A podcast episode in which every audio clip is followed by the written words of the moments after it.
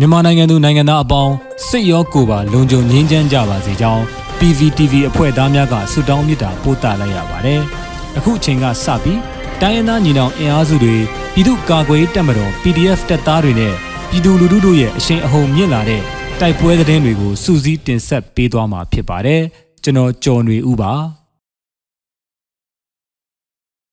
ပထမဦးစွာ ကာဘိုးစစ်ကောင်စီစစ်စေးဂိတ်ကိုပြစ်ခတ်မှုစစ်သား၄ဦးတေဆုံးတဲ့တဲ့တင်တင်ဆက်မှာပါ။ စကိုင်းတိုင်းကံမလူမြို့နယ်ကာဘိုးရွာထိပ်ရှိစစ်ကောင်စီစစ်စေးဂိတ်ကိုဒဇယ် PDF ပူးပေါင်းအဖွဲ့ကစက်တင်ဘာလ3ရက်နနက်7:25မိနစ်မှာဝင်ရောက်ပစ်ခတ်တိုက်ခိုက်ခဲ့ရာ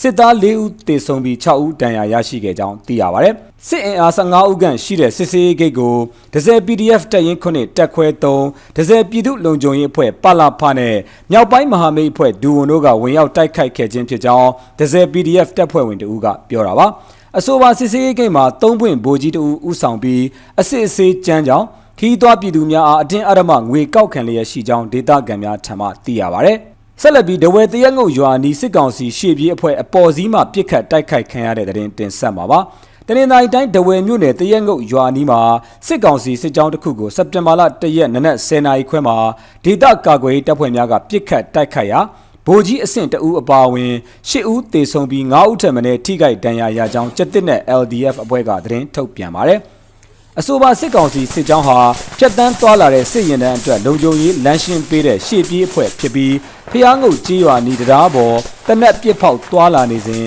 ကျစ်တစ်နဲ့ LDF နဲ့တဝဲပြည်သူ့ကာကွယ်တပ်ဖွဲ့ DRGF တို့ပူးပေါင်းကအပေါ်စီးမှပစ်ခတ်ခဲ့ခြင်းပါ။ဖျားငုတ်ကြီးရွာဟာ ဒဝဲထီခီကားလမ်းပေါ်တွင်တည်ရှိပြီးပြစ်ခတ်တိုက်ခိုက်ပြီးတဲ့နောက်ကာကွယ်တပ်ဖွဲ့ဝင်များအထိကိမရှိဆုတ်ခွာနိုင်ခဲ့ကြောင်းသိရပါဗျ။ဖရူဆိုမြို့နယ်မှာစစ်ကောင်စီရင်နှန်းတဲ့စကန်များကို KNDF ကကြားဖြတ်ဘုံကျဲတိုက်ခိုက်တဲ့တဲ့ရင်တွေတင်ဆက်ပါမယ်။ ကရင်ပြည်နယ်ဖရူဆိုမြို့နယ်အတွင်း၌စက်တင်ဘာလ3ရက်ယမနေ့မှာအကြမ်းဖက်စစ်ကောင်စီရင်နှန်းကို KNDF ကကြားဖြတ်တိုက်ခိုက်တယ်လို့စစ်ကောင်စီစခန်းကို drone ဖြင့်ဘုံကျဲတိုက်ခိုက်မှုများကြောင့်အကြမ်းဖက်စစ်တပ်ဘက်မှ9ဦးထက်မနည်းထိခိုက်ဒဏ်ရာရကြောင်း KNDF တပ်ရင်း15ကသတင်းထုတ်ပြန်ပါတယ်။ ယမနေ့နဲ့အစောပိုင်း2နာရီခန့်မှာဒီမော့ဆိုမြို့နယ်ဘက်မှဖရူဆိုမြို့နယ်ဘက်သို့လာတဲ့ရိတ်ခါတင်ကား၅စီးကိုကရင်ပြည်မျိုးသားများကာကွယ်ရေးတပ်တရင်15တပ်ဖွဲ့ဝင်များကခြုံခိုတိုက်ခိုက်ရာစစ်ကားတစ်စီးပျက်စီးသွားပြီးစစ်သား3ဦးထပ်မံထိခိုက်ဒဏ်ရာရနိုင်ကြောင်းသိရှိရတာပါဒါအပြင်ယမနေ့ညနေ၄နာရီခွဲမှာဖရူဆိုမြို့နယ်ထီတော်ကူကျေးရွာအနီးကျူးကျော်တက်ဆွဲထားတဲ့အကြမ်းဖက်စစ်တပ်ကို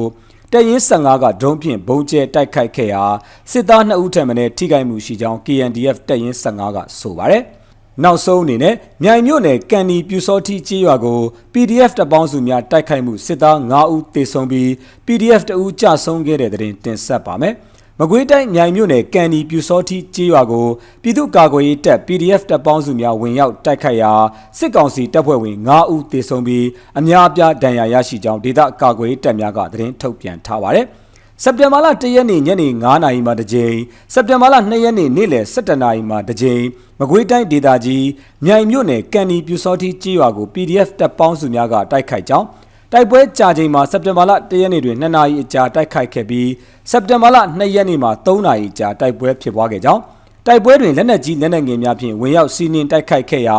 တိုက်ပွဲမှာပြင်းထန်ကြောင်းစစ်တပ်ဘက်မှစနိုက်ပါတပ်သားတအုပ်အပါအဝင်9ဦးသေဆုံးကြောင်းစစ်သားအများအပြားဒဏ်ရာရရှိပြီး PDF ရဲဘော်တအုပ်ကြဆုံးခဲ့ရကြောင်းသိရှိရပါတယ်ခင်ဗျာ။